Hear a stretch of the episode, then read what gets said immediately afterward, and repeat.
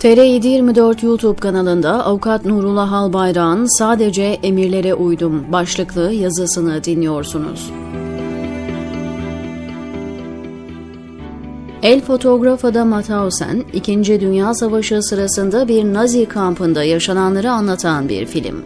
İspanya İç Savaşı yarım milyondan fazla insanın hayatını kaybetmesine neden olmuş, yarım milyondan fazla kişi ülkeyi terk ederek komşu ülkelere sığınmıştır. O dönem Fransa ve İngiltere İspanyol İç Savaşı'na karışmazken Almanya ve İtalya Franco rejimini desteklemiştir.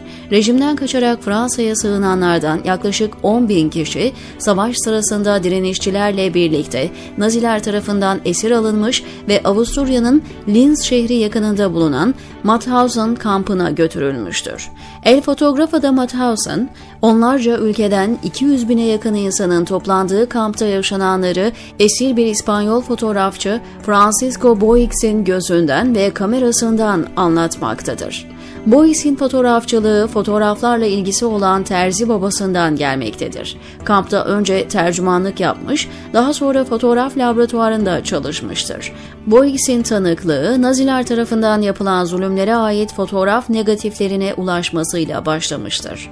Bahse konu negatiflerde kamplarda yaşayan insanlara ait kimlik bilgilerine, yapılan kötü muamele ve işkencelere, işlenen cinayetlere ve infazlara, tıbbi deney adıyla yapılan uygulamalara, gaz odalarına ya da siyah kamyonetlere bindirilen insanlara, kampın denetiminden sorumlu rütbeli askerlerin ziyaretlerine kadar birçok şeyi bulmak mümkün olmuştur. Francisco Boix her türlü riski alarak negatiflerin bir kısmını arkadaşlarıyla birlikte saklamış, olayı fark eden Nazi yönetimi türlü işkencelerle ve infazlarla negatifleri ele geçirmeye çalışmıştır. Stalingrad sonrası savaşın seyri Hitler'in aleyhine dönünce Naziler kamplarda kalan soykırım delillerini hızla yok edip kaçmaya çalışsa da negatiflere ulaşamamıştır.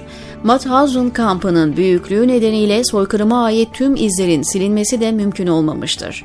Francisco Boix, Nürnberg duruşmalarında soykırımın canlı şahitlerinden biri olarak tanıklık yapmıştır.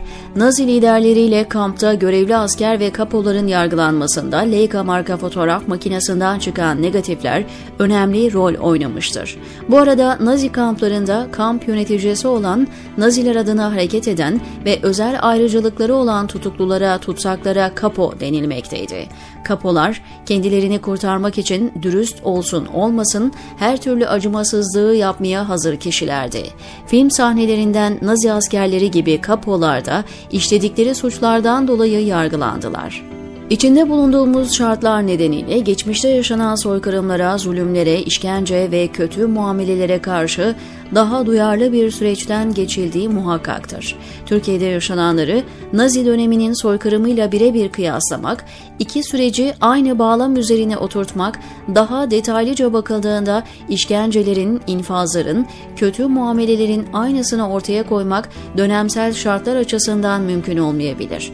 Ancak Nazi döneminin şartlarının aynısını bugün ortaya koyma imkanı olsa 21. yüzyılda dünyanın gözü önünde nefret söylemini strateji kabul eden, bununla da kalmayıp işkenceye, kötü muameleye, yargısız infaza ya da insan kaçırmaya, yasal kılıf uydurmaya çalışan, yeni doğum yapmış kadından 80 yaşının üstünde hastaya kadar on binlerce masumu cezaevine dolduran ve yeni cezaevi inşaatlarıyla övünen bir zihniyetin fırsatını bulduğunda Mauthausen benzerini yapabileceğini düşünmek akla uzak gelmiyor.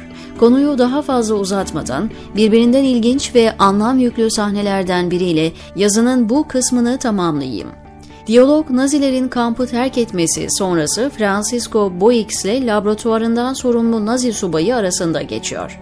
Nazi subayı, ben sadece fotoğraf çektim, kimseyi öldürmedim, biliyorsun, sadece ölümsüzleştirdim, masumum ben, sadece emirlere uydum dediğinde Francisco Boix, o yüzden bununla yargılanacaksın diye cevap veriyor.